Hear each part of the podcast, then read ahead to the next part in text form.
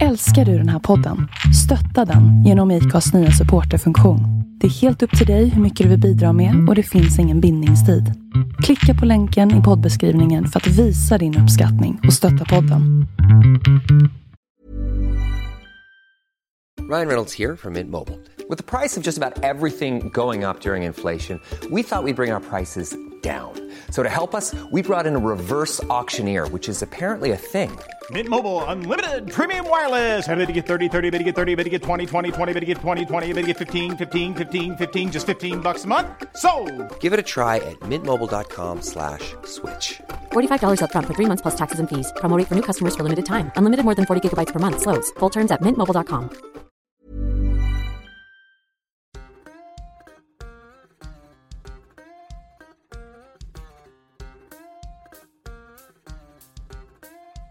Det är dags för en återkommande gäst här i Vi måste prata och jag tror att hon då skriver upp sig som den fjärde återkommande gästen efter Ulrika Liljeberg, numera riksdagsledamot för Centern, Agneta Ljungberg, numera proffspoddare i Skriet från Vildmarken och Per-Ola Olsson, eh, allmänt snygg bonde på Twitter och andra ställen. Men här har vi henne, rektor Linnea igen. Välkommen! Så här var det. Eh, rektor Linnea var med i somras inför valet och jag rekommenderar att ni lyssnar på det avsnittet för det var faktiskt väldigt bra. Och då sysslade hon inte med att vara rektor utan med opinionsbildning inför valet. Nu är valet klart, vi har en ny regering på plats och då är det väl dags för någon slags utvärdering av ditt opinionsbildande, Linnea. Vad säger du? Exakt, det var, det var det jag tyckte också att nu har vi faktiskt eh, ett avtal och nu har vi en färdriktning för skolan vad regeringen vill göra. Så det är väl läge att prata om det tänker jag. Ja, och jag har avtalet här framför mig. Jag tänkte att vi, så vi börjar från, från toppen. Alltså, jag, så här, du har ju läst det här mycket mer än vad jag har, eh, antar jag. Men det finns ju en del punkter här i, i valet. Men jag vill gå tillbaka till opinionsbildningen. Så här, vad hade du satt för mål med det arbetet? Och eh, sen tar vi punkt för punkt i avtalet. Nej, men jag tänkte väl att är det någon gång man ska lägga in en stöt så är det väl det här valet. För att sen Björn Åstrand presenterade sin utredning 2020 så har ju ändå debatten hållits igång. Jag har gjort mitt bästa för att bidra till det. Och då tänkte jag att inför det här valet så är det väl rimligt då att eh, ja, men gå all in och därför tog jag tjänstledigt i några månader. Min, Och för er som inte lyssnade på första avsnittet, så de här månaderna, eller så här, innan hon tog tjänstledigt så kunde hon sitta och plöja alla kommuners skolbudgetar på ledig tid, förutom att vara rektor. Så eh, jag tänker att det var som att rycka tussarna på upploppet på världens bästa travhäst eller något. Ja, alltså, nu när jag var tjänstledig kunde jag ju åka runt mycket mer i landet så att jag var ju inte hemma. Jag kanske var hemma en eller två kvällar i veckan max i Göteborg.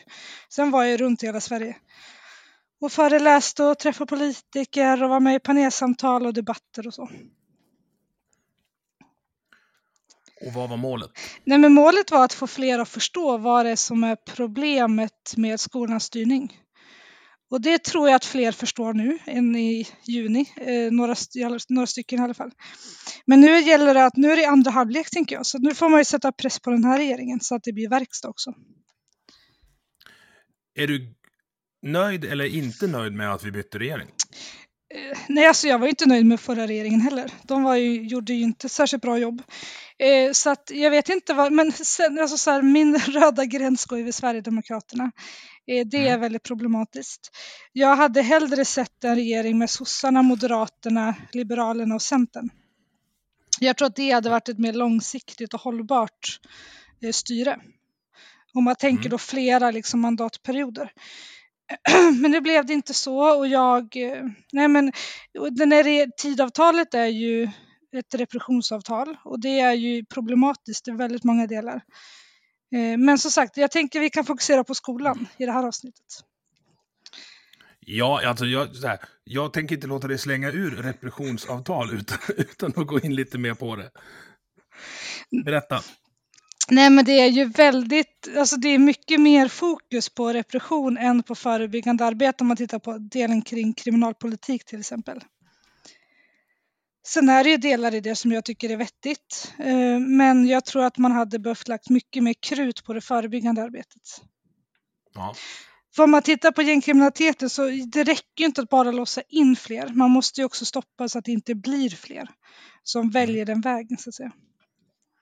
Så där, där håller jag helt med, men jag, an, jag, jag, jag utgår ifrån att vi kanske har lite olika... Jag tycker också att det är ganska mycket i Tidöavtalet som är... Ja, men det, det, är, det är hårt och fyrkantigt. Jag tror tyvärr att vi har hamnat i en situation där det kanske är hårt och fyrkantigt som behövs för att lösa de akuta problemen. Sen håller jag ju helt med dig om att vi, vi behöver ha... Eh, alltså kanske inte fler lärare, men mer vuxna i skolan och mer resurser runt omkring framförallt där det är som stökast. Precis. Ja, det där ska vi prata om längre Ja. fram. Nu ger vi oss på skolan.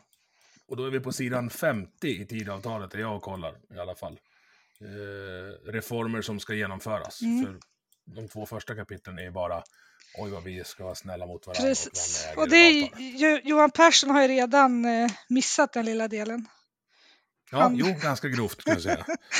Fast jag tror inte att det där är omedvetet. Jag tror att de försöker skapa någon slags motsatsförhållande i media och sen dricker de whisky på kvällarna i alla Nej, fall. men de, be- han behöver ju det för att eftersom att han har tidigare sagt att Sverigedemokraterna är deras största fiende. Ja. Och nu sitter han i knä på dem så det är klart att han måste låtsas som att han är bekymrad. Ja, eh, jag delar din analys. Men vi tar den första punkten. Ge skolans styrdokument tydligare kunskapsinriktning. Det låter väl bra?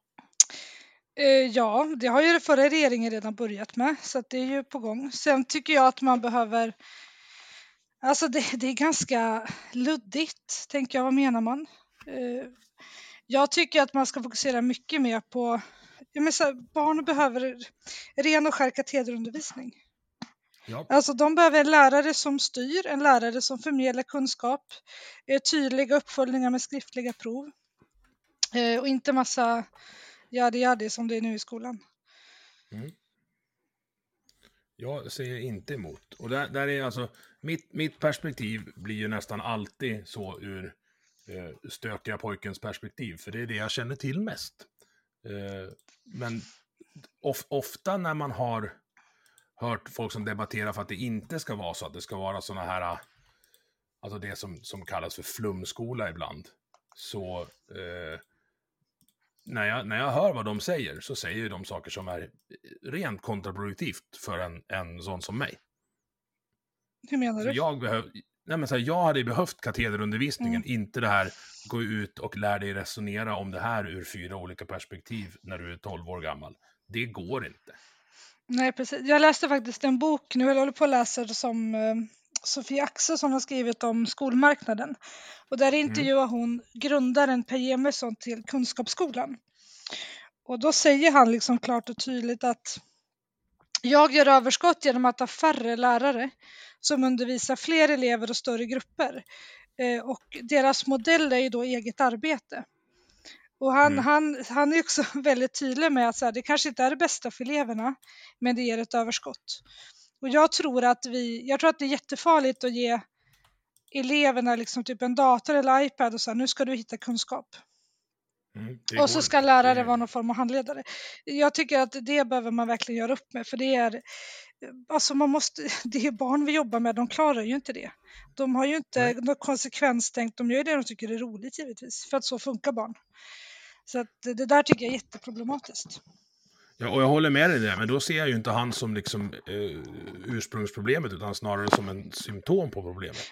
Ja, ja, precis. Jo, det, men det, det jag menar att det är väldigt tydligt hur man eh, hur, alltså du kan, det blir billigare undervisning om eleverna jobbar själva, givetvis. Ja, För då kan ju en lärare ha ansvar för fler elever, än om man måste faktiskt Ja. undervisa alla. Ser du någon risk med att man skulle, skulle, om vi ska kalla dem enkla elever, om man skulle flytta över dem eh, och så får, för de, de, kan, de som kanske klarar, de som klarar av det här med att ta till sig kunskap själv, de kommer ju aldrig vara ett problem varken ekonomiskt eller arbetsmiljömässigt för sig själv eller sina eh, skolkompisar och lärare. Vad händer om vi klumpar ihop dem? Nej, det kommer inte hända så mycket tänker jag. Men det är ju, alltså, då blir det verkligen ett eh, parallellskolesystem. Ja, det, och det, alltså, det är det jag är, är rädd för, samtidigt som jag vill Å andra sidan att skolan ska vara ett ställe där man kan bli sin, den bästa versionen av sig själv. Men då måste man ta hänsyn till vem Då måste vara en lösning för de som inte kan det och de som inte klarar helklassundervisning. Och det Precis. har vi ju inte idag. Vi har ju ingen lösning för dem. Nej, och risken är då om man klumpar ihop dem, det är ju att ingen vill, eller de, oss, att ingen vill ha oss. Precis. Nej, men så att det där, men jag menar, den förra regeringen gjorde ju redan förändringar kring det. Så att det där är ju på gång. Och jag tänker att det där är också en... Man måste också på lärarutbildningen börja prata om ett annat... Alltså, Skolverket pratar ju om att man lär sig på olika sätt. Det är ju rena dumheter. Alltså alla mm. hjärnor är ju, alltså en hjärna är en hjärna liksom. Men sen har ju mm. barn olika förutsättningar och de behöver olika mycket stöd och hjälp. Men de lär sig på samma sätt givetvis. Fast i olika takt? Ja, så i olika takt och liksom, men att man behöver olika stöd för att lära sig. Men alla elever lär sig ju på samma sätt givetvis. Mm. Ska vi ta nästa? Så, så punkt ja. ett, ge skolan styrka med en tydlig kunskapsriktning. Det, det låter bra och vi får se om de gör det. Jo, men det är redan påbörjat så jag hoppas att de fortsätter det. Så det är väl, ja. och det känns som att där är väl alla överens tänker jag. Förutom edtech-lobby som tjänar mycket pengar på digitalisering. Ja, och fel sorts digitalisering. Ja, det pratar vi, pratar vi om. De vet ju inte vad digitalisering Nej. är. De pratar ju om datorisering. Och det är, Exakt, det är inte samma som digitalisering. Nej. Eh, och det vet ju de om, men de vet också om att de som upphandlar inte vet Exakt. om det. Exakt, och det använder de givetvis. De är smarta. Ja, de har ju ett uh, informationsövertag Precis. och det är man ju sällan mm. sen att utnyttja på, på marknaden. Vi går på punkt två, ja. utökad studietid framförallt på svenska och matematik och detta förutsätter att lärarnas administrativa börda har lättats och undervisningsskyldigheten getts en tydligare reglering. Jag tycker att det här är bra om man lägger det på lågstadiet. Okay. Eh, därför att dels, alltså, det stör mig jättemycket att eleverna har så lite undervisningstid i lågstadiet. I Göteborg, nu är timplanen lite olika och man har lagt ut den i olika kommuner, men det är samma timmar givetvis. Men vi ligger ju på 16 timmar i ettan, 18 i tvåan och 20 i trean. Och jag tycker att man hade kunnat lagt det 20 timmar rakt av för, årskurs, för förskoleklass till trean. Mm. Men högstadiet, liksom mellan och hög, de har ju ganska långa dagar redan. Så att i så fall ska man utöka för dem, då får man ju ta bort någonting annat snarare än att lägga på. Då kan ja, man exempel ta bort elevens val och lägga svenska till exempel. Vad är den lägst hängande frukten tänkte jag fråga. Det är, elevens val, säger du. Jag tänker syslöjd. Ja. Ja, det kan man ju diskutera. Jag skrev ett blogginlägg för några år sedan om det och jävlar vilket liv det blev. Eh, för ja, jag tyckte man skulle ta bort slöjden i årskurs tre men sen behöver eleverna göra praktiska saker också givetvis. Men jag tycker att man kan eh, utöka på lågstadiet. Jag tycker det är jättekonstigt att man har tre timmar skola per dag i förskoleklass årskurs ett. När man ska mm. lära sig läsa. Det är jättelite tid. Ja. Ja, och, grejen är den att liksom du, du kan inte täcka en heltidstjänst i lågstadiet med en klasslärare för att timplanen är ju liksom bara 15 timmar. Mm. Så det, ja, där tycker jag att man ju... kan lägga 20 timmar rakt av. Vår äldsta går ju ettan och det resulterar ju ofta i att för att få ihop livspusslet så blir det ju fritids mm. efteråt. Så hon är ju ändå kvar i Precis. skolan. Jag hade jättegärna sett att alla gick till mellan 8 och 2 till exempel, förskoleklass till trean. Ja. Det hade varit mycket lättare schemamässigt, bättre för fritidshemmet. Alltså så här, det hade, vi hade fått ut mycket bättre resultat. Ja. Och sen tycker jag det är bra att man vill reglera undervisningstiden. Eh, undervisningsskyldigheten, den behöver regleras. Utveckla den då, för det där är ett begrepp som jag knappt kunde uttala och än mindre vet vad, vad det innebär. Nej, men man tog ju bort USKE för en massa år sedan. Då förhandlades den bort. Vilket gjorde att det vart fritt fram för huvudmän att uh, lägga undervisningstid på lärarna. Och den har ökat ja. med 10 procent sedan man tog bort USKen. Uh, och det gör ju att i vissa kommuner kanske, eller vissa huvudmän kan du ligga på 1000 minuter i veckan kanske. I en annan kommun kan du ligga på 1300 minuter. Och det här gör ju att som lärare så, och det förändras hela tiden också. Så att jag tycker att man behöver reglera vad ett läraruppdrag är. Alltså hur mycket, hur mycket undervisar man? Hur många klasser? Hur stora klasser och så vidare. Men det här är ju en början tycker jag att man tittar på undervisningstiden. Men då är det så, är det korrekt uppfattat att eh, timmarna eleverna ska lägga ner, det är reglerat, men inte timmarna lärarna ska lägga Exakt. ner? Är det så? Mm. Ja. Så att jag tänker att man kan lägga till exempel då att så här, alla lärare i Sverige undervisar 1080 minuter till exempel. Eh, och då är det max vad man får lägga. Mm. Och då vet alla det att det är så här mycket man undervisar i Sverige. Och jag tänker, om man skulle vilja ha en skola, om jag skulle starta en friskola eh, och så skulle jag vilja ha den som någon slags eh, elitskikt, då skulle inte jag få eh, undervisa eleverna fler timmar än det står i läroplanen. Ens om jag har ett, ett liksom, det går säkert att runda genom att ha något slags fritids, där obligatorisk fritids med lärarna efteråt eller motsvarande. Men rent lagligt så går det inte. Jo, jag, ja, det gör, hos mig har jag gjort så. Jag har utökat timplanen i svenska till exempel. Så det kan man göra med ett rektorsbeslut. Ja, och huvudman, huvudmannen kan ju utöka timplanen så att det här, det här är egentligen ingenting nytt utan att det får vi redan göra. Men det man säger nu att det utökas nationellt så att säga. Alltså normen i Sverige kommer utökas. ja. Sen kan man ju åt, utanpå det kan jag lägga till två timmar till om jag skulle vilja det.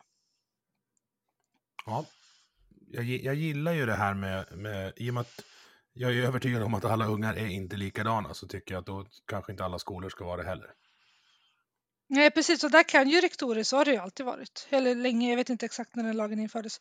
Men vi kan ju reglera timplanen. Ja, Men inte, vi, får inte, vi får inte gå under så att säga. Men vi får, vi får utöka. Men vi kan inte säga att nu tar vi bort hälften av matteundervisningen. Det får vi inte göra. Men vi Nej, kan ju det- lägga till tid. det är vettigt att man inte får göra Ja. va- Varför någon nu skulle vilja göra det. Eh, kanske för att få upp bättre betyg, vilket leder oss till nästa punkt. Betygssystem med kunskapsfokus. Eh, och intentionen här är då att motverka betygsinflation. Mm. Jag tycker man ska kalla det betygskorruption faktiskt. För det är det det är. Ja, Men jo, men grejen är den att man vill, man vill behålla F, vilket är jättekonstigt. Eh, därför att då löser man inte något problem, för F är det största problemet med betygssystemet.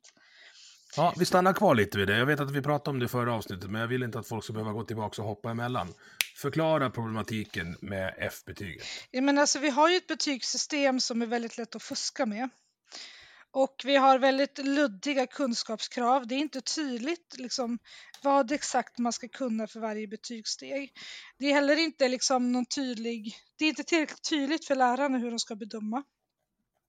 Vi har också ämnen utan nationella prov och vi har nationella prov som är också väldigt lätt att... Liksom, det är ingen som kollar hur mycket man hjälper eleverna till exempel. Och i det här systemet då att ha ett F betyder ju någonstans att du som elev är ju rökt om du har F. Eh, och det, det, här, det här skapar ju en, liksom en jakt på E. Det är därför man till exempel har lovskola. Man kan läsa upp liksom tio ämnen och gå från, e, från F till E på två veckor. Så att det här skapar ju incitament som är jättekonstiga. Att Och skillnaden då mellan ett F och den gamla ettan när jag gick på högstadiet? ettan var ju ett betyg, F är ju underkänt så att säga. Ja, okej. Så att är problem, jag tycker att man borde ha, man borde ta bort F1 och alltså, jag, jag, vet, jag tycker att det där eh, F är jätteproblematiskt därför att någonstans så så skapar det liksom, det slår ju ut elever väldigt, väldigt Mm. snabbt. Ja, och det medför väldigt mycket mer jobb i administrationen. Så samtidigt som man kan gå på lovskola i två veckor och läsa upp alla sina betyg i princip. Vilket också är jättekonstigt. Om man inte har klarat det på hela liksom, grundskoletiden så kan man gå på lovskola två veckor och sen så helt plötsligt har du i alla ämnen. Men är inte det en argumentation för att ha eh, tillbaks med, med vad heter det, det heter särskilda under... Jag kallar det OBS-klasserna. Jo, alltså det behöver man ju titta på hur man hjälper dem. Men det, är alltså, det finns ju elever som bara skiter i skolan som inte har några funktionsnedsättningar. Mm. Så att det, men jag tycker absolut vi ska ta bort F-gränsen. Eh, därför att det, det slår ju ut. Och sen har vi också en, en grupp elever som har som är teoretiskt svarbegåvade men de har inte intellektuell funktionsnedsättning. och de, de kan ju liksom inte klara skolan. Eh, för att de har inte intellektuell förmåga till det. Och de, de, ligger ofta, de, de slår vi liksom ut, de får kanske F i de flesta ämnena och kan inte gå gymnasiet. Istället då för att hitta en, en väg framåt för den elevgruppen. Mm. Att de kan ha E men sen så finns det gymnasieprogram som är anpassade för dem. Till exempel rent praktiska program utan mm. gymnasie eller högskolebehörighet. Att man kan, jag tycker man borde skapa rent praktiska utbildningar för de som faktiskt inte har förmågan att, att klara teoretiska ämnen. Det, det finns ju mm. jättemycket jobb som de kan utföra givetvis. Ja, alltså ja, jag blir upprörd och ledsen när, när jag hör det här. Det vart det nog sist vi pratade också. Alltså, det enda vi lär de här ungarna är ju att de inte kan någonting. Exakt, och därför, det blir ju så om du, om du får ett betygsdokument där du kanske har 14 F, då blir du inte jättepepp på att liksom överhuvudtaget sett gå in i en skolbyggnad igen. Nej. Men hade du haft E som ändå är ett liksom, det är ju det, det, är det lägsta betyget om man då hade tagit bort F. Men det öppnar ju ändå möjligheten att gå på ett anpassat gymnasieprogram där du kan utbilda dig till ett praktiskt yrke. Hantverk mm. till exempel. Mm. Det hade varit mycket bättre för dem, den elevgruppen, tänker jag. Och visst är det så att det dras igång en administrativ cirkus om någon är på väg och, och om det då görs för någon som, som du säger, mm. inte ens är i skolan, så är ju det verkligen att lägga mm. tid på ingenting. Och problemet är när elever har F då, då ska lärare göra utreda, göra extra anpassningar, det ska vara åtgärdsprogram, man ska göra en hel batteri med insatser som egentligen inte liksom, jag vet inte, jag tycker det är jättekonstigt det, jag förstår inte hur man kan försvara det. Och det handlar ju inte om att man ska liksom att elever ska fuska sig till eller sådär utan det handlar om att hjälpa dem. Mm. Om vi ska stilmäna uh, F1 då, alltså vad, vad tror du intentionen var när det här betygssystemet infördes? Nej men det var väl också för att, jag vet faktiskt inte exakt vad de tänkte, men de tänkte väl att det skulle vara ett bra sätt för elever att, att få veta deras kunskapsnivå. Vilka är det som faktiskt inte klarar sig? Men man har ju inte tänkt sen men vad gör vi med de som inte klarar sig? Då lägger man det på lärarna att, att göra anpassningar så att de klarar sig. Så att läraren har ju uppdrag att se till då att de får hjälp, de som har F. Men samtidigt har skolorna inte resurser att hjälpa Nej. de elever som har F. Finns det statistik på hur många av de här som får en F-varning som man sen lyckas hjälpa upp till? Eh, ja, man kan ju titta titta i betyg, alltså så här, det, vi har ju terminsbetyg så det kan man ju se. Om man, men då får man ju sitta och gå igenom skola för skola. Känner du någon som brukar göra sånt? Eh, nej, men jag tror att man skulle kunna be eh, SCB till exempel i Skolverket. Jag, jag, är jätte, jag är inte så jättebra på just gymnasiebetygen, de har inte jag kollat så mycket på. Nej. Jag är mest fokuserad på grundskolan. Vad, vad jag menar är att man måste liksom kolla hela tiden och utvärdera var resurser läggs och om det, om det får någon effekt överhuvudtaget och hur mycket effekt det får kontra andra saker. Precis. Andra insatser man kan göra. Mm. I Tidöavtalets betygssystemsgrej så står det eh, att det ska finnas en tydligare koppling mellan resultaten i de nationella proven och genomsnittlig betygsnivå. Och då sa du att du, man vet inte hur mycket folk från skolan hjäl hjälper eleverna på de nationella proven. Uh, hur löser vi det? Nej, det är svårt att lösa. Men vad jag menar är att, för det kommer sen också till, till uh, central rättning, kommer ju också en punkt sen. Mm. Och det kommer ju inte, det kommer ju inte ta bort betygskorruptionen. Uh, därför att bara att du rättar centralt har ju, det, det påverkar inte hur du sätter betyget sen. Då, det Hur ska man göra då? Ska man koppla det? Alltså jag vet, det tajtare? Jag tror inte att vi kommer komma till lösning i det här betygssystemet. För att det man i så fall håller på att göra är att man hela tiden lägger liksom nya plåster. Mm. Eh, jag tror att vi behöver göra ett nytt betygssystem som inte går att fuska i. Eller, alla kommer ju på något sätt kunna, men alltså, nu är det liksom vidöppet för korruption. Vi behöver ett betygssystem som är lätt att förstå för lärare, elever och föräldrar. Som är lätt att administrera, där det är jättetydligt vad man ska kunna. Det är jättetydligt hur man sätter betygen. Sen kan man absolut ha nation, alltså centralt rättade prov, men det kommer inte lösa betygskorruptionen. Tror man det så kommer man misslyckas. Mm. Vad var det för fel på 1 till 5 då? Nej, det var inte så mycket. Jag vet inte varför, hur man riktigt resonerade när man tog bort det. Jag tycker det är synd. Jag tycker att det var mycket mer tydligt och bättre och förståeligt. Ja, då fick man ju en snittsiffra också. Det var ju, ja. Precis. Jag, ja. Nej, men så att jag tycker att man ska tillsätta en, jag är ingen expert på betyg, som att jag jobbar inte på betygsstadiet där man sätter betyg. Men jag tycker man behöver se över det, för att det är också det att betyg är ju ett konkurrensmedel mellan skolor. Mm. Det är också ett jätteproblem att man konkurrerar med höga betygssnitt mellan skolor. Det är ett incitament att faktiskt fuska med betygen. För att ett, ett, en skola med ett högt betygssnitt ses som en bra skola och bra skolor kan marknadsföra sig. Det är absurt. Vi har alltså byggt ett system där eleverna inte längre behöver fuska för skolorna gör det åt dem. Exakt. Fy fan. Det är en ny Åh. skolkoncern nu som ska etableras i Göteborg. De har ju det de kallar för garantibetyg. Så att om man, har, om man har bestämt sig att man ska få betyg A, då lovar liksom skolan att man ska få det. Det är det dummaste jag har hört. Ja, nej, så får vi se. De har ju fått tillstånd i alla fall att öppna 2024 eller 2023. Så det blir ju spännande. Nej, men det är det jag Men menar. okej, det, här systemet, det det här systemet är så stört att jag menar på att vi, vi ska inte hålla på och lappa och laga det. Vi måste göra ett annat system. Vi måste liksom börja från noll när det gäller betygen och titta på hur skapar vi ett system som inte där man faktiskt inte kan fuska så här lätt. Och jag tänker också de praktiska ämnena.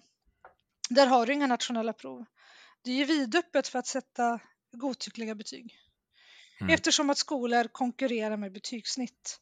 Och höga betygssnitt är ju, är ju ett marknadsföringsmedel. Men om jag tar tillbaka det där, alltså vad, vad skiljer då det här garantigrejen, eh, garantibetygen i Göteborg, från det du pratar om när man kör en lovskola och trycker upp alla F till en? Är inte det samma grej fast i andra änden av skalan? För jag antar att de som vill gå på en garantibetygsskola är ju inte FE utan då är det kanske AB som är, är spannet. Ja, nej, alltså hur, hur menar du? Jag vet inte om jag förstod frågan. Jo, men äh, lovskolan är ju en insats för att eh, trycka upp en nivå. Ja, precis, från antar FTE. ja. Mm. Precis, och då antar jag att det kanske är från A, B till A som, som är eh, Mm, garantibetygsgängets eh, målgrupp. Och det kan man också göra med lovskola. Ja, så vad, vad blir skillnaden då, tänker jag?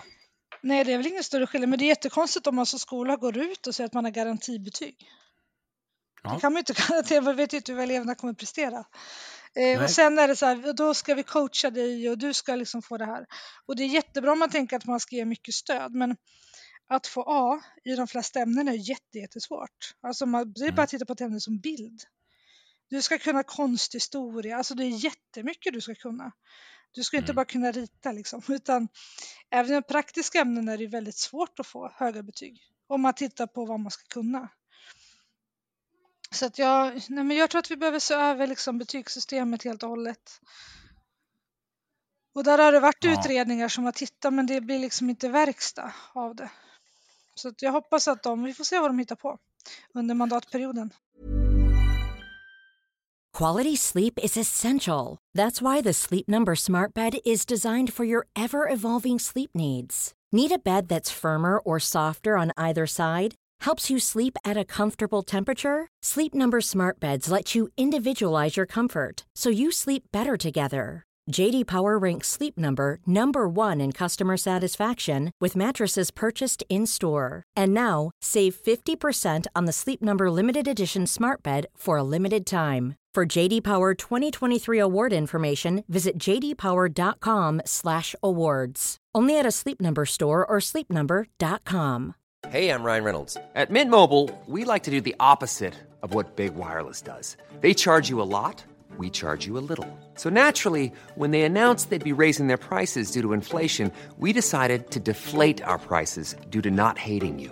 That's right. We're cutting the price of Mint Unlimited from $30 a month to just $15 a month. Give it a try at mintmobile.com slash switch. $45 upfront for three months plus taxes and fees. Promo rate for new customers for limited time. Unlimited more than 40 gigabytes per month. Slows. Full terms at mintmobile.com. Som så mycket annat när det gäller skolan så undrar jag, hur ser det ut i Finland? Jag är faktiskt ganska dålig på Finlands, jag vet inte vad de har för betygssystem, hur de, men de har ju inte marknadsstyrning av sin skola. Så att de har ju inte incitament för betygskorruption som vi har. Nej. Problemet jag- är ju jag- att det det är myndighetsutövning och ett konkurrensmedel samtidigt. Ja, jag, dra, jag dras ju mellan verkligheten jag lever i, min ideologi och det du berättar. Alltså jag är ju jättenöjd med, med skolan. Vi har friskolan som vi har eh, sjuåringen i. Men samtidigt så berättar du baksidor av det här som jag liksom inte har, har upplevt. Nej. Är det någon skillnad mellan så här stiftelsedrivna enskilda skolor och koncernerna när det gäller moralitet? Ja, men alltså om man tänker typ så här kooperativ och stiftelser, de har ju inte ett incitament för lönsamhet på samma sätt.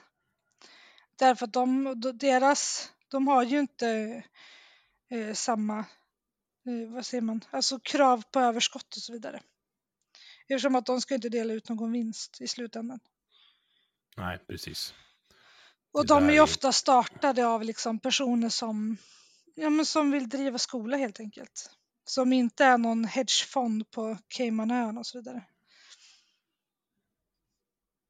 Nej, och som vi pratade om sist, återigen en referens till förra avsnittet. Jag ser inte vinsten som problemet, utan det du beskrev förut i just där om en, om en friskola startar och elever flyttar över så kommer det öka kommunens kostnad både för eleverna som är kvar i den gamla skolan och de som går i den nya. Precis. Det är Mm. ju, å, återigen, underrapporterat och underdebatterat för att det är lite krångligt att sätta sig in i. Ja, men det är förvaltningstekniska detaljer som liksom du måste lära för, men när du har förstått dem då blir det ju rasande. Alltså, Ja, jag har inte varit på, jag har haft så mycket föreläsningar de senaste fem åren. Jag har inte haft en enda föreläsning där inte folk har sagt så här, vad är det för jävla skitsystem vi har? Alltså, Mm. och folk är så här, jag vill bara typ gråta eller slå någon för jag blir så arg liksom. Mm. Och, och det är det jag menar att alltså det är inget, friskolor är ju inte ett problem. Problemet är att vi har en lagstiftning när det gäller liksom betygssystem, när det gäller finansiering, skolval, etableringsrätt som slår så otroligt fel. Och då menar jag på att Mm. jag tror också att vill vi behålla friskolereformen över tid då måste vi göra upp med de här problemen. Därför att till slut kommer befolkningen bli så fruktansvärt arg att de kommer rösta för att göra, ta, ta bort skiten helt och hållet. Då Mm. kommer de säga så nej, vi vill inte ha det här alls. Och då kommer alla åka ut med badvattnet. Mm. Så att jag tror ju att vi behöver skapa en rättvis och likvärdig finansiering. Vi behöver skapa ett, ett skolval som är rättvist, ett betygssystem som man inte kan korrumpera. Vi behöver skapa en etableringsrätt som inte suger ut kommuner på resurser. Och lyckas vi med det, då kommer ju friskolorna att finnas kvar mm, och de kommer ju få legitimitet. Då kommer man, för det är liksom, och nu blir det så här, "Ja, titta vad friskolorna gör. Men skolorna är ju inget problem. Problemet är ju lagstiftningen. Mm. Och vinsten som du säger, det är det absolut minsta problemet i skolan. Problemet är incitamentet för lönsamhet. Ja. Det går ju igen i liksom hela, hela vinster i välfärden-debatten Mm. precis. är ju... Vi pratar om fel saker. Exakt. För går, går det att få ut kvalitet till mindre peng, ja, det är ju bra för alla. Precis. Men om det blir Mm. kass kvalitet till högre peng, det är inte bra för särskilt många. Och i det här systemet får vi sämre utbildning till högre pris. Och det tycker jag är Ja. korkat. Ja, det, det, det är svårt att argumentera för, måste jag säga. Och det, är så att, ja, det kommer ju ske saker, men jag vill att det ska ske snabbt givetvis. Jag är så här, gärna igår. Mm. Jag är dålig Ja. på att sansa mig där. Jag vill att det ska vara bara... För det är också det när man har satt sig in i det och förstår hela bilden. Och då är det så himla svårt att förstå hur man... Varför gör man inte någonting liksom imorgon? För det är så uppenbart att det här är ett systemfel. Vi, ska, vi kommer till systemfelet och åtgärda till det på slutet. Eh, vi fortsätter med eh, punkterna. Förbättrad kunskapsuppföljning. det måste ju hänga ihop lite med, med Ja, det har vi pratat om det med nationella prov. Att det, det kom, eh, man kan ju rätta dem centralt, men det kommer ju inte lösa problemet med betygskorruptionen. Men vi får se om... Det är ju sagt nu, tidsplanen är ju 2026, så jag har de sagt om jag har förstått det rätt. Att det ska vara färdigt. med de, med de Vad hän- gemensamma rättningen. Vad händer om man, om man lägger över hela betyget på centralt rättad verksamhet? Då? Fast du kan inte sätta ett betyg på ett prov en dag. Nej, jag tänker att man, att man har det över, över hela året, eller hela skolgången. Ja, jag vet inte. Alltså, jag är ingen betygsexpert, det får man väl utreda, men jag tror att det skulle bli lite märkligt. Det är så må- man kan ju heller inte testa alla delar i ett nationellt prov. Nej, men jag tänker att skolan, om man, om man jämför med körkort, för körkort eh, har ju samma prov över hela landet och man släpper inte ut folk på vägarna om man inte klarar det. Jag, ja, jag vet inte om, om jag, jag tror att det skulle funka på skolan också. Mm, Ja, kanske. Du får skriva, jag vet inte riktigt hur, hur det skulle eh, utformas. Nej, inte jag heller i ärlighetens namn, men det ju... Nej, men jag tror att, jag tror här, när det gäller nationella prov, när det gäller betygssättning, där tänker jag att man behöver inte bara tänka hur ska vi förändra det vi har. Jag tror att man behöver tänka att vi ska inte ha det som vi har det nu, utan att vi behöver göra något helt nytt. Mm. Och då tycker jag, då behöver man ju liksom titta brett på det. Om jag går till min egen skolgång, om jag hänger kvar vid det centrala. Alltså jag hade ju jätteproblem att plugga för prov. Men jag klarade mig alltid väldigt bra på de oförberedda diagnostiska proven som ju talar lite egen sak kanske, men det är väl de som egentligen berättar vad man kan. Mm. Inte vad du, vad du lyckas hålla i minnet eh, i 48 timmar när du pluggar. Jag tänker att högskoleprovet är ganska bra utformat. Sen tror jag inte att man ska sätta högstadieungar i högskoleprovet, Mm. men det, det borde ju gå att göra någonting som är anpassat för tonåringar också. Ja, man skulle kunna ha någon form av, man skulle kunna, för att det så här, betyg används ju för att gå till nästa steg i skolsystemet. Det är därför man har Ja. betyg. Man skulle kunna ti- titta på någon form av liksom, ja men typ examensprov, alltså den typen av. Mm. Så jag tänker det där ska man behöva titta brett på, men vi kan ju inte fortsätta som vi gör nu. För nu är det ju, nu kan vi inte ankra ett betyg, då vet vi inte att, att det motsvarar en viss kunskap. Och det är ett problem. Nej. Det är också så att de som då går på koncernskolor som har, som har mest problem med betygsinflation, de springer ju om elever från andra skolor i kön till, till liksom attraktiva högskoleutbildningar. Ja, men när de kommer in på dem så, så... kommer de, så... inte, de kommer inte ut från dem för att de klarar det Nej. inte. Och det är jättetaskigt mot de som då har gått och kämpat och kämpat och kämpat och verkligen pluggat. Mm. Och så springer, springer några andra om dem som dessutom inte kan det de ska. Och det tycker jag liksom är djupt problematiskt. Två avsnitt efter dig. Du var med i avsnitt 64 första gången och så hade jag Johan Brodén i avsnitt 66 som är då högstadielärare som berättar att det kommer ju folk som börjar sjuan och inte kan läsa och skriva. Precis. Och det är, Och det är ett alltså- svek mot eleverna.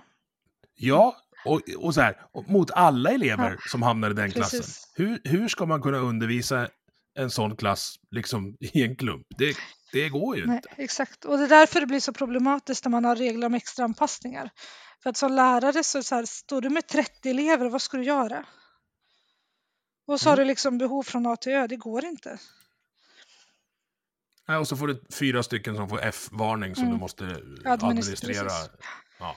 Nej, så det blir en otroligt arbetsmiljöproblem för lärarna. Ja. Varför är inte fler lärare ute och vevar i det här? Är de, är de rädda? eller? Nej, men det, jag tycker att det börjar bli en ganska mycket debatt. Sen är det ju några som är mer tongivande givetvis. Men eh, jag tror att det kommer, det, mer och mer kommer det komma att man törs gå ut och prata om det. Ja. Jag hoppas det i alla fall. Ja, för jag tycker det är samma sak i andra eh, områden där det diskuteras. Det är få poliser och få doktorer och få sjuksköterskor som, som liksom berättar hur de har det på jobbet. Tyvärr. Japp, tyvärr. Men jag tror att det, det är väl också det här att man inte vill vara illojal mot sin arbetsgivare, tror jag. Nej, men det är, om arbetsgivaren är illojal mot dig så utgår de premisserna. Jo, men det gäller att våga också tänker jag. För det är inte kul att Ja. bli uppkallad på kontoret och bara jag har sett att du har skrivit det här på Twitter eller Facebook. Alltså så att det är...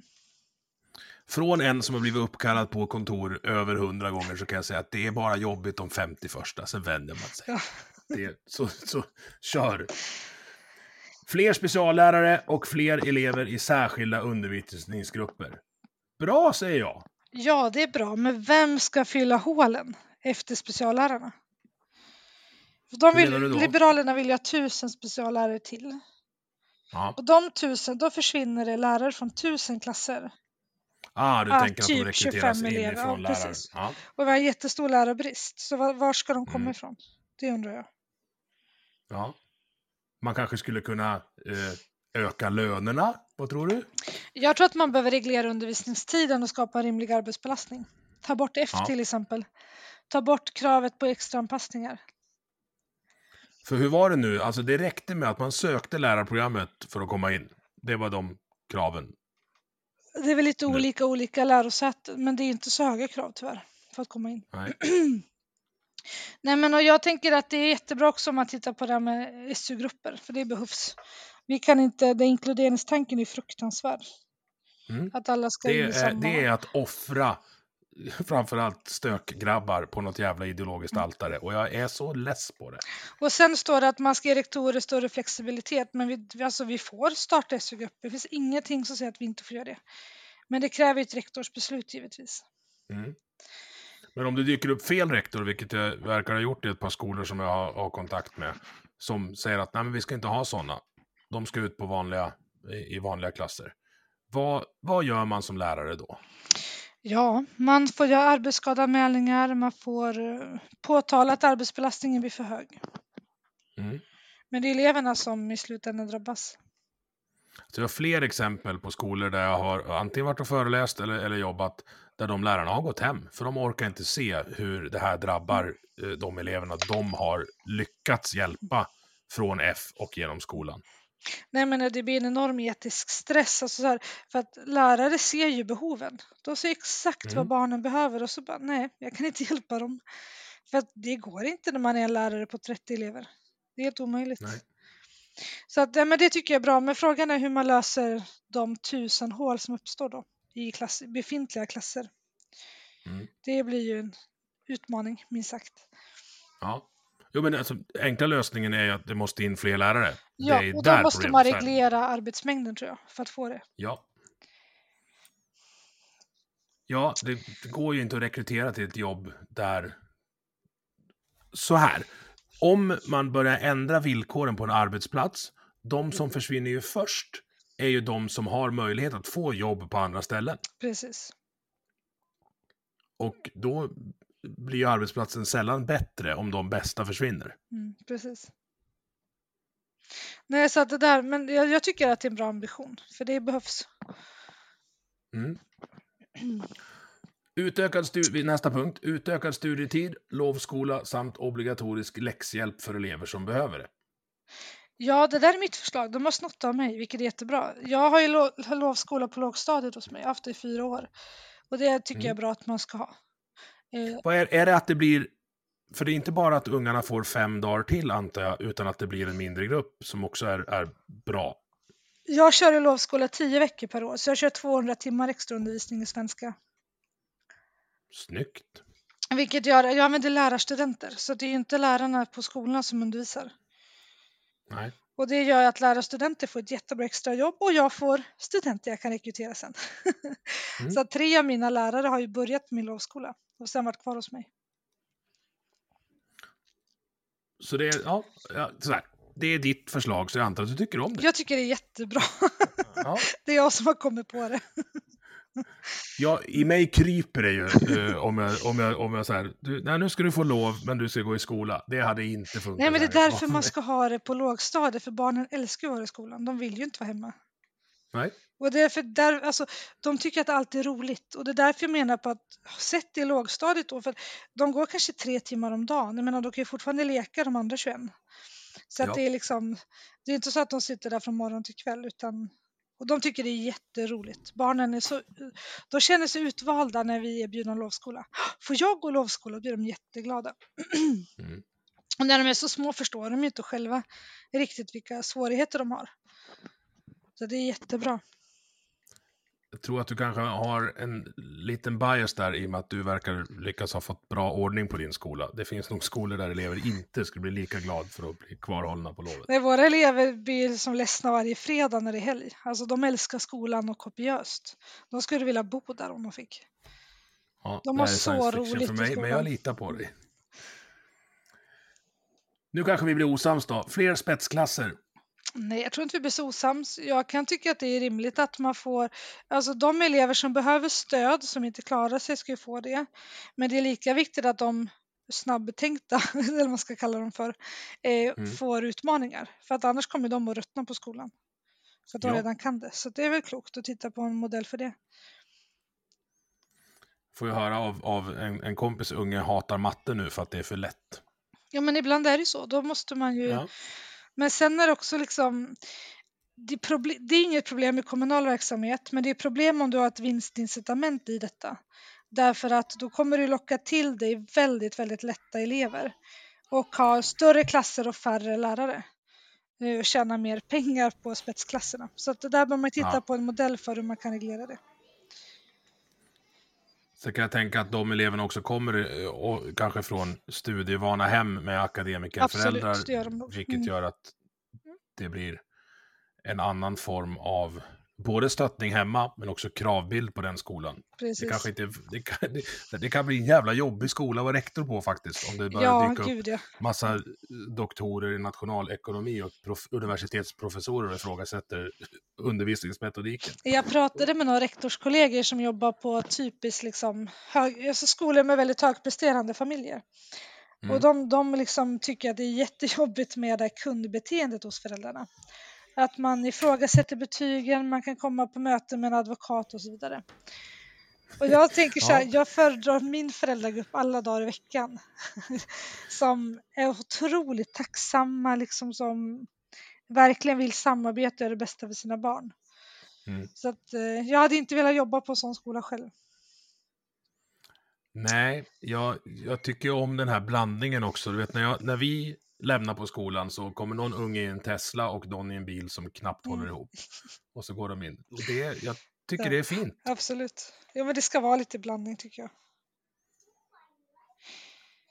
Ja, då vart vi inte osams då. Men läsning och läsförståelse av litterära texter ska få en större plats i skolan. Det kan man heller inte säga emot. Nej, det är jättebra. Det har jag inget emot. Vad har vi sen? Ehm, Sen är det du. Stärk rektorns ansvar och befogenheter. Och då blir jag kluven vet du, för jag har ju pratat med dig, men jag har ju träffat andra rektorer också. Jaha, vad säger de? Vi ska inte ha befogenheter. Nej, det är nog jag som inte vill ge det till Ja. dem, tänkte jag. Att, så. Nej, men alltså det som skrivs här som tillfällig omplacering eh, och så vidare. Eh, där står det längre tid än idag. Idag är det ungefär två veckor brukar man säga, när man kan omplacera. Ja. Eh, och det står skolledningen ska mandat att besluta om ordningsregler, det har vi redan. Eh, så att det här, är- de här, det som står här, det finns ju redan, det är liksom ingenting nytt.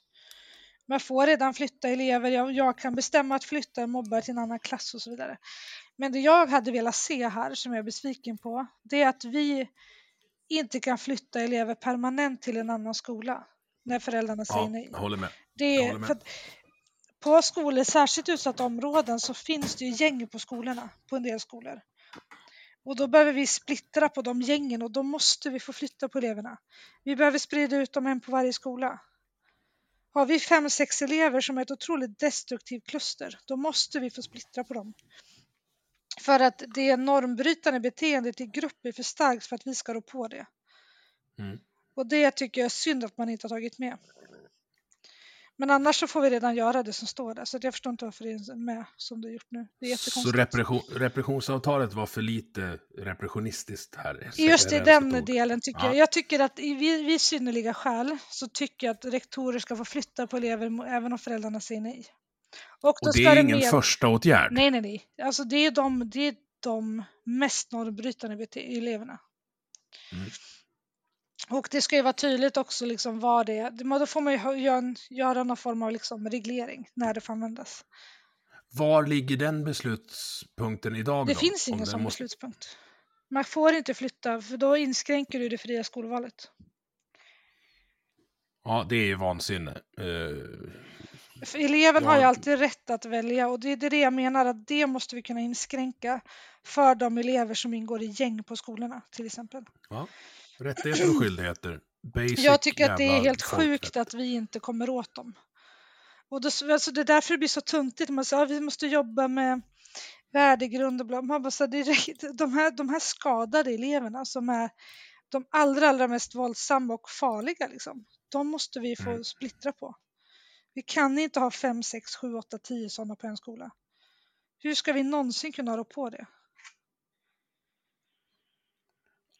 Ja, alltså vem fan kan säga emot det här? Ja, po- politikerna har inte lagt med det. Jag, har tagit, jag vet inte hur många möten jag haft och pratat om det. De bara, det är jättebra förslag, men det har inte kommit med. Så jag får fortsätta driva det. Ja, jag kan hjälpa dig. Det... Stärk lärarens befogenheter. Eh, ja, men, nej, men det är väl bra om man tar bort, ehm, eh, tar bort viss dokumentation. Så det är väl bara bra, tänker jag. Ja, för det står så här, kravet på att skriftligt dokumentera eh, disciplinära åtgärder, till exempel att en elev får gå ur klassrummet, tas bort. Det kan väl vara bra att skriva ner det någonstans så att man vet om det har hänt två eller tio gånger när du ska eh, förflytta den här eleven då. Om, om det nu är en sån särskilt normbrytande människa som du pratar om. Men är det, så här, är det ett problem att dokumentera här idag? Problemet är att det är ganska omfattande dokumentation. Jag tänker att Ja, det det räcker var det med tänkte. tjänsteanteckning. Ja, Att man bara skriver i sitt block att så här, det här hände idag och så vet man det. Sen, Mm. alltså, lärare känner ju eleverna så de vet ju hur, hur ofta som händer. Liksom. Eh, sen är det ordningsregler. Det har vi Ja. redan så det är inget, det är också Men här är något slags avtal. Inför ett dokument om skolans ordningsregler som elever och föräldrar förväntas skriva på. Förväntas är ju också ett... Alltså luddigt i ett, ord. Ja, väldigt luddigt. Då ska man skriva ska. Ja. Men sen är det så att de elever som inte kan uppföra sig kommer inte göra det även om man har ett avtal. Så det är lite tandlöst. Men är inte det här då för att ge er makt? Jo, att, det är ja, också- men nu har vi informerat om konsekvenserna. Jag tänker att det också Som- är normerande på sikt. Ja. Och att eleverna vet att vad som... Digitala prov har vi redan pratat om. Ja, men du har, du har en... har- en eh, har sagt? här, skolors metoder mot mobbing ska vara evidensbaserade, Just det. står Mm. det här. Så ingen Nina Rung, Nej, precis. Men- Hon, eh, men hon får sparken. någon slags... Ja, jo, tack. Nej, men nå, någonstans... Eh, jag tror ju att den bästa antimobbing-grejen som finns är en bra vaktmästare. Mm.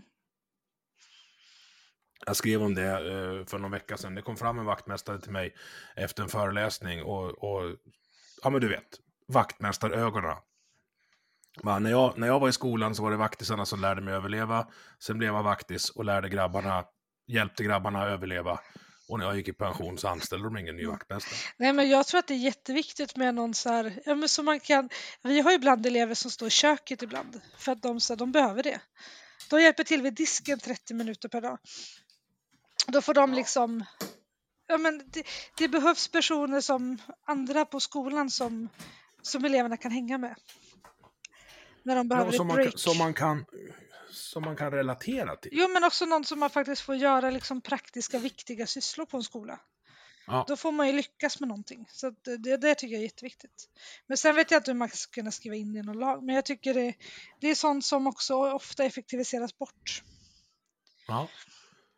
Du skulle kunna få in sådana personer i skolan om man, om man slår ihop, säg, de bägge slöjdgrejerna, kanske bild eh, och teknik till ett Mm. ämne som heter praktiskt någonting. Mm, precis. Då får du en, en, någon i blåbyxor som går omkring i korridorerna och det är jävligt bra. Yes. Eh, För jag tycker också, också så här, när du har så här bild, slöjd, slöjd, att de finns kvar före programmering. Ja, det, jag tycker inte om det riktigt. Vad har vi sen? Tryggare skolmiljö, ja, men det vet det har vi ju redan. Eh, nu- sen vill de Ja, översyn av sekretessreglerna tycker jag är bra. Därför att nu får vi inte prata om elever om inte föräldrarna ger samtycke.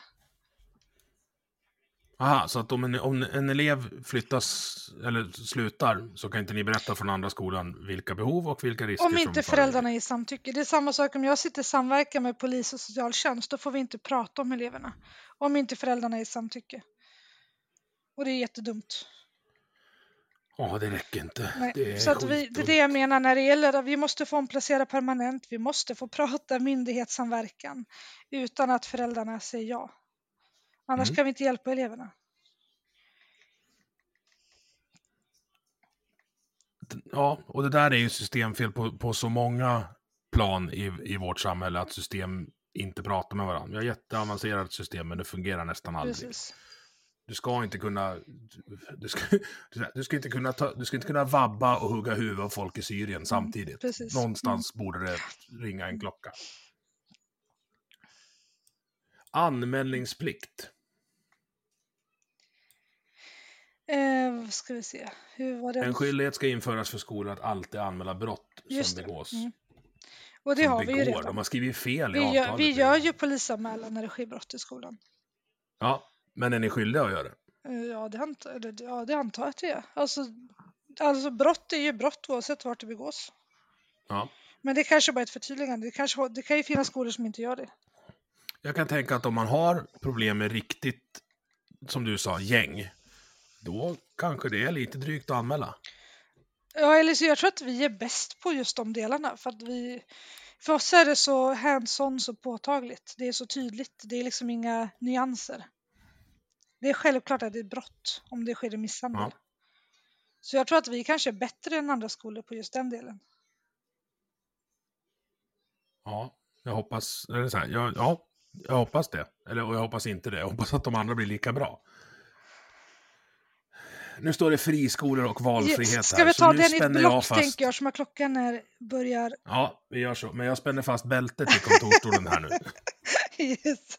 Nej, men det jag tycker är problematiskt med det här, deras förslag, det är att de vill införa ett liksom, parallellskolesystem. Mm. Därför att om man inför en friskolelag, då blir det ju en lag för de som går hos enskilda huvudmän och så blir det en, en lag för de som går hos kommunala huvudmän. Mm. Och då har vi cementerat ett segregerat skolsystem i lagstiftningen.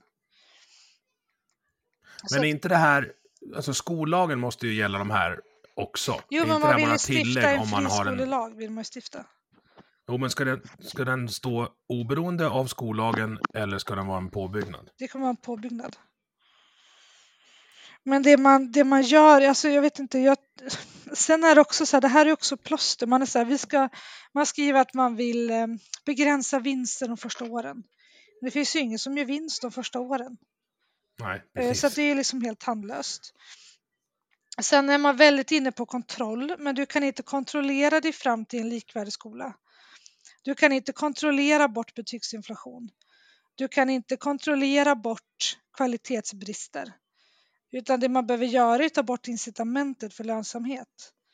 Mm. Det, kan, det, det ska inte vara så att du tjänar pengar på att ha lägre andel lärare. Mindre eller ingen skolgård, inga specialsalar, ingen matsal, större klasser. Eh, Du, du skickar bara eh, reklam till, till postnummer med villor till exempel. Du ska inte tjäna pengar på att göra så. Det är det som är hela problemet. Och det menar all de här kontroll som man vill göra, de här kontrollfunktionerna man ska inrätta, det kommer ju inte hjälpa för att du har ju kvar incitamentet för lönsamhet. Mm. Och sen skriver man när det gäller offentlighetsprincipen för att som det är nu så bekostar det allmänna friskolorna. Men vi har ingen insyn i dem för de har ingen offentlighetsprincip. Och då skriver man att eftersom offentlighetsprincipen lämpar sig dåligt för mindre friskolor borde det klargöra sin insynsprincip. Eh, och då menar jag på att dels de mindre friskolorna, de idéburna, de vill ha en offentlighetsprincip. I remissvaret så sa de ja till det. Mm. Eh, det finns ett färdigt förslag som man bara kan införa. Men då vill man göra någon halvmesyr som inte kom, för det, i, i offentlighetsprincipen finns det också meddelarfrihet. Så att man vill man inte ha. ge medarbetare som jobbar i friskolor rätt att prata om sitt arbete. Och det tycker jag är fruktansvärt. Mm. De, ska kunna, de ska kunna prata om sin arbetssituation utan att få repressalier. Jag är helt enig. Och det vill man då inte in, man vill inte införa det utan man ska göra någon, någon liten halv eh, mesyr av det. Ja, och det står så här, eftersom offentlighetsprincipen lämpar sig dåligt för mindre friskolor läggs in som en självklarhet utan någon förklaring. Mm, precis. Men i remissvaret när det här förslaget lades fram, då var de positiva. De sa självklart ska vi ha en offentlighetsprincip, sa de mindre friskolorna. Mm. Jag har inte hört en enda mindre friskola som motsätter sig det. Självklart säger de, det är klart att vi ska ha det, men ändå lägger man inte fram det. Och sen säger man att, det vi tar till skolvalet då kan vi ta, då säger de att man ska ha ett gemensamt skolval men det ska finnas kö. Och det är helt omöjligt. Du kan inte, du kan inte ha ett gemensamt skolval där skolplatser redan är paxade. Då är det inte gemensamt. Nej. Gemensamt betyder att man gemensamt ansöker om skola sam, under samma tidsperiod. Mm. Och då kan ju inte en huvudmannatyp ha paxade platser. Nej. Så att man kan inte ha gemensamt skolval med kö, det går inte. Det är helt omöjligt. Det, alltså, det, det, det går inte. Alltså, I konstruktioner så funkar inte det. Nej, det där... Ja, Så att det jag där- tycker det är jättekonstigt det hur man kan skriva det för att gemensamt betyder ju gemensamt, att alla gör det Mm. samtidigt. Det där såg bra ut när jag läste det först, men du dissekerade det ganska bra. Ja, men det är självklart att gemensamt inte, inte kan ha... Det, köer är inte, för, är inte förenligt med det. Nej, men då är, alltså, du tänker så här att man väljer i januari året innan man ska börja. Och då gör alla, det. gör det. Alla gör det, till, Ja. alla, till alla skolor oavsett huvudman. Men Mm. då kan man ju inte ha ett system där två tredjedelar av platserna hos friskolorna redan är paxade. Då är det ju inte Nej. gemensamt. Då kan man ju inte önska de skolorna. Det enda jag skulle kunna tänka mig, alltså det är någon slags syskonförtur, i varje fall för oss som bor på landet, för annars blir det svårskjutsat. Jo, men det har man ju redan idag så det Ja. kommer ju fortsätta vara kvar. Och sen säger de att man ska, kunna, man ska kunna återkrava skolpeng om det inte går till skolverksamhet. Och det innebär ju all vinst. Den går ju inte till skolverksamhet. Så att egentligen Mm. borde man skriva att vi ska avskaffa vinsterna. För det är det det innebär. För jag menar, om, om Engelska skolan delar ut pengar till ägarna som en hedgefond på Caymanöarna kanske, eller Luxemburg, då går inte det till vår skolverksamhet. Nej. Så att det man säger är att man ska avskaffa vinsterna utan att säga att man ska avskaffa vinsterna. Så att vi har ju fått en sosseregering verkar det som. Hemska tanke. Nej, men Det låter ju som det när man läser förslagen, att, att man ska kunna t- återkrava Kan- skolpeng. Kan du se här, alltså vi har, vi har tre och ett halvt parti i regeringen. Kan du se liksom punkt för punkt uh, var det kommer ifrån? Ja, men skoldelen är ganska mycket Liberalerna. De har ju fått in en del. Och sen offentlighetsprincipen i Sverigedemokraterna, de motsatte sig den efter lunch på Rish på Mhm. Östermalm. De har, käkade ju lunch där, några. Det är tydligen bra mat där. Precis. Eh, nej men och sen vill man ha liksom ägarledningsprövning, det har vi redan. Den är, ganska, den är skärpt flera gånger, har skärptes precis av förra regeringen. Så att det är liksom ingenting nytt. Det jag saknar är ju som jag tycker att man inte är tillräckligt modig.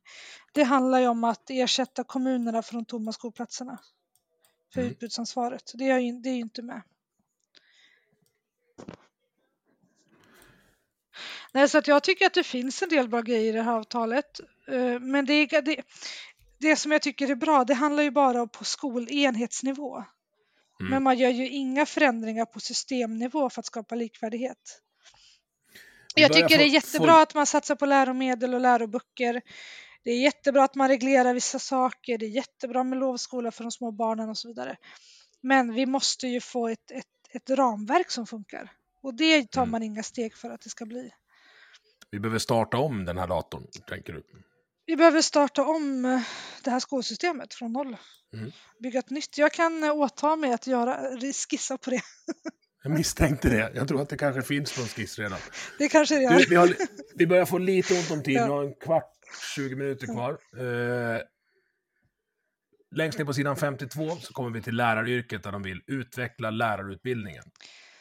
Ja, jag tycker att den ta, borde ska vi bli ta den som mer... block också? Jag tycker att den borde bli mer, mer fokus på faktakunskaper. Eh, mer, jag tycker att den borde bli mer lika över landet, tänker jag. Det är väldigt olika Mm. vad man läser för typ av kurser. Så att där behöver man ju också se över. Och jag tycker så här, för att eftersom att skolan är ju en samhälls liksom, angelägenhet. Det är ju inte vilken verksamhet som helst. Nej. Och då tycker inte jag att man ska kunna göra så himla olika på alla ställen. Både vad gäller utö- inom skolorna, alltså om man tänker vi har 290 kommuner. Men de har, gör ju också ganska mycket som de vill. Mm. Så att generellt så tycker jag att vi måste liksom någonstans bestämma oss för vilket skolsystem vi ska ha. Och sen att vi likriktar det lite mer. Med tydligt fokus på faktakunskaper, tydlig fokus på tidig läs och skrivinlärning, tydlig fokus på tidigt stöd. Behöver man utöka inslaget av undervisning, practice, alltså hur man lär ut? Att man inte bara lär sig massa saker på lärarhögskolan, utan också hur en, alltså hur, hur ska en lektion gå till? Nej, inte hur lektion ska gå till, men jag tycker man behöver man behöver ju titta, det är väldigt mycket pedagogiska trender och det tycker jag är jätteproblematiskt. Eh, det blir ju väldigt mycket experimentverkstad liksom. Någonstans så vet vi hur barn lär sig läsa och skriva. Då bör man liksom inte hålla på och experimentera med det. Och det finns en del skolor jobbar jättemycket med case och eget arbete och så. Jag, jag, jag är jätteskeptisk till det. Mm. Jag tänker att det är lärarna måste leda undervisningen. Ja, Och det kan man ju komma åt med hur man, hur man, upp, hur man formulerar kunskapskraven. vi har tagit de andra punkterna, alltså minska lärarnas administrativa börda, har vi pratat om. Avlasta lärarna genom övrig personal, gärna i blåkläder. Utveckla lärarrollen, vad tänker du om den punkten? Den har också ett annat typsnitt, så den är inklistrad här. Ja, precis. Nej, jag tror ju inte på karriärtjänster. Jag tror att vi ska ha en, en, en sammanhållen lärarkår. Vi inte, de ska inte konkurrera med varandra. För förstelärartjänsten har varit, har varit jättekonstiga. Det finns ju förstelärare i värdegrund, det finns förstelärare i schack, det finns förstelärare i alla möjliga konstiga saker. Eh, Jag, ska det vara förstelärare ska det vara ett ämne kan jag tycka. Ja, Eh, Men inte, inte liksom i något flummigt eh, värdegrunds eller genusgrejs. men är inte förstelärargrejen bara ett sätt att, att kringgå den kollektiva lönesättningen? Jo, alltså du får ju extra pengar. Absolut. Ja. Och sen är det Borde man inte då kunna liksom ge de extra menar, pengarna till vem som helst som är jävligt bra på det de gör? Och det är också jätteolika hur kommunerna hanterar försteläraruppdraget. En del har ju ingen nedsättning i tid, en del kanske en timme i veckan. Det ser väldigt, väldigt olika ut. Ja, det, ja, ja bort, bort med den, men låt, ge dem pengar istället. Nej, men ska man är bra. sammanfatta det så är det ganska bra grejer vad gäller liksom, i skolans innehåll. Tycker jag finns en del bra grejer i det här avtalet. Men Mm. problemet är att man inte tar, tar ansvar för system på systemnivå. Nej. Och då, då blir det fortfarande lika svårt för oss att bedriva skola. Och segregationen kommer inte minska med de här, in- med de här reformerna. Nej. Och det är problematiskt. Ja, alltså segregation, det är ett helt eget avsnitt. Ja. För det, det går i princip inte Precis. att- Det tar vi när jag kommer en tredje gång. Ja, det blir, det blir bra. Då ska vi ha live här på, på. Avsnitt 100 kanske någon gång i mars. Exakt. Ja, nej, men, Gör lärarrollen mer attraktiv på de mest krävande skolorna. Ja, men det har man redan gjort. Man har ju ökat försteläraruppdraget. Många kommuner drar ju ner på undervisningstiden till exempel. Eh, Så det är där man har börjat. Men det är återigen att det gör man ju på, liksom, på vissa ställen bara. Det är ju inte reglerat nationellt hur det ska gå till. Kanske blir det i och med det här avtalet då. Ja, kanske. Men samtidigt så, och jag tror ju på arbetsmiljön mycket mer än lön. För att Ja. det spelar liksom inte så stor roll vad du tjänar om du liksom är helt slut varje dag. Nej, tro mig. Ja, det, det är precis så. Eh, därför jag gör det jag gör nu. Alltså det är... Jag skulle kunna jobba dubbelt så mycket som jag gör, Mm. men det vill jag inte. För då blir jag en hälften så bra pappa. Precis. Nej, men jag tror att det, det finns positiva saker, men det är bara på enhetsnivå. De måste våga ta, ta tag i systemfrågorna, känner jag. Mm. Likvärdig skola med kvalitet i hela landet låter ju bra. Statligt Jättebra. ansvar, tydlig reglering av kvalitet, satsning på läroböcker, ökar befogenhet för... Alltså allt det här låter ju bra. Får de till, men... Men det man också får tänka på att det, det, nu står det massa saker i tidavtalet för skolan. Men det finns ingen garanti att det avsätts medel i budgeten för det. Så att det är inte säkert att någonting blir av överhuvudtaget. Så att det finns inga resurser kopplade till de här sakerna man vill göra.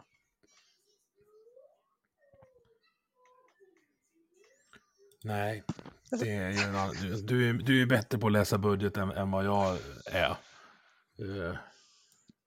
Så det blir ju intressant hur man, vad som faktiskt blir verkstad sen. Det vet vi ju inte. ja, För det, det är som sagt finns ingen garanti i budgeten. Och om man inte har, har en, en resurs till det så kan man inte genomföra någonting.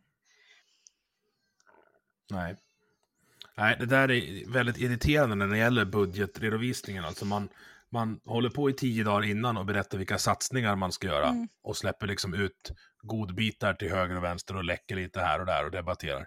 Men man berättar aldrig vart pengarna ska komma ifrån, alltså vad man, vad man drar ner på. Nej, det är nästan mer intressant. Eh, Men den här likvärdiga skolan då, alltså det är för många punkter att gå igenom en och en. Men är det ytterligare en sån, det låter bra, eh, hoppas att det blir som ni har skrivit. Ja, men det, det låter bra, men frågan är hur man tänker att det ska genomföras utan, utan några resurser. Ja, För det finns ju ingenting i budgeten att, det står ju tydligt här att det finns ingen garanti att det finns, eh, att det prioriteras i budgeten. Och då, blir det, Nej. då kommer det inte bli någonting av det.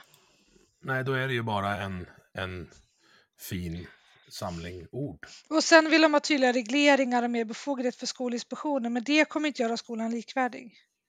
Därför att fortfarande lagsti- problemet med lagstiftningen består ju. Ja, det, är, det är som du sa innan, att det handlar om kontroll och kontroll kan bara påpeka fel och inte åtgärda. Exakt. Och att det det är bättre att vi skapar ett system där man inte kan göra de här felen, tycker jag. Nej, jag Jag med. tycker att det hade varit käckt. Att, att man att är- inte kan fuska med betygen, att man inte kan tjäna pengar på sämre kvalitet. Tar man bort de incitamenten så kommer ju det bli självreglering. Ja, Det tycker jag att man borde förstå om man är politiker, men kanske inte. eller så förstår de det. Eh, Det är inte intellektuellt att men, göra med det givetvis. Ja. Och då är slutfrågan då, är vi, är vi rätt bemannade på vad ska vi säga, riksdagsgrupper och utbildningsdepartement för att kunna vända på det här? Alltså jag förväntar mig inte att politiker ska kunna på detaljnivå. Eller ja, det kanske jag gör, men jag tänker att man kanske inte borde förvänta sig det. Eh, för att de, har, de är ju liksom generalister och ska kunna svara på alla frågor. Men det gäller att ha väldigt skarpa politiska sakkunniga och statssekreterare som kan sätta sig in Mm. i detalj så att säga. Så det får vi se du- vad som, hur det utvecklar sig under mandatperioden. Sen Ja. tycker jag det är problematiskt att man har en skolminister som kommer från en skolkoncern. Ja, både, både ja och nej. Alltså så här, det är bra med någon som vet vad, vad det handlar om. Men det är inte supersnyggt när man, när man går direkt. Nej, men just de här svängdörrarna mellan politik och friskolelobbyn är problematiskt tycker jag. Ja. Vad, vad kan man göra åt det då, tänker jag? Jag tycker man ska titta på någon form av liksom, vad kallas det, karantän.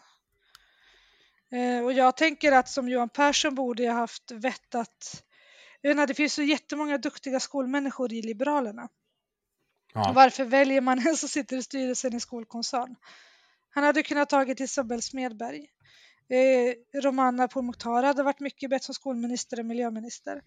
Man hade kunnat tagit liksom, det finns ju jättemånga kompetenta människor i Liberalerna i skolfrågan så att säga. Har du undersökt frågan någonting varför det vart som det vart?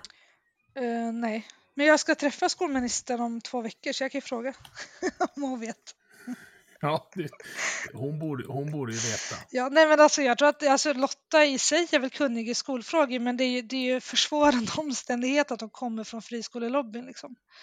Att Ja, man går direkt från en i- dag till en annan, det tycker jag är problematiskt. i ärlighetens namn så är det svängdörrar på andra sidan politiken också. Alltså, Ja, ja, såklart. Kolle gick ju direkt från LO till näringslivsminister.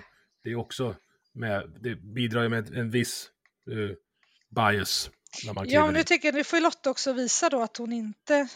Alltså hon får ju, Oh ja. nu, jag tänker att hon har ju tuffare uppdrag nu än om hon Ja. hade inte kommit från en skolkoncern. Nu, det är många som är väldigt skeptiska så att hon får ju verkligen visa nu att hon tar det här på stort allvar och att hon vill ha reformer som också kommer reta upp friskolesektorn. Mm.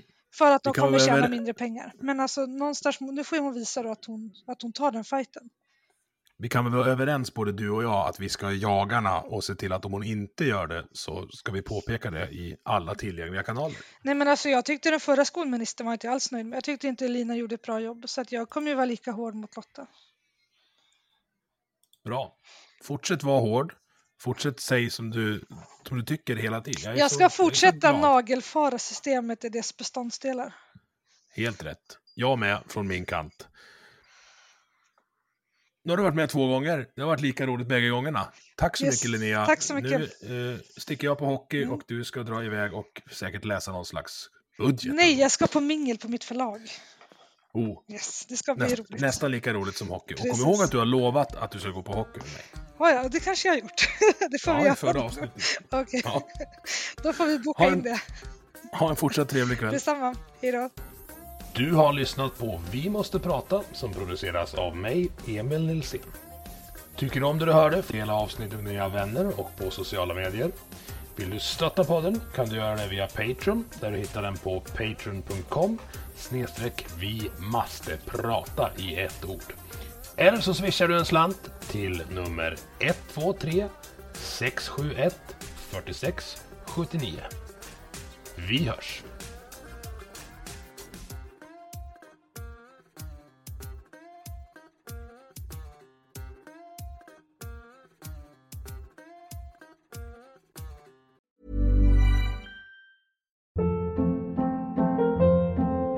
Hold up. What was that? Boring. No flavor. That was as bad as those leftovers you ate all week. Kiki Palmer here, and it's time to say hello to something fresh and guilt-free. Hello Fresh. Jazz up dinner with pecan-crusted chicken or garlic butter shrimp scampi. Now that's music to my mouth. Hello Fresh. Let's get this dinner party started. Discover all the delicious possibilities at hellofresh.com.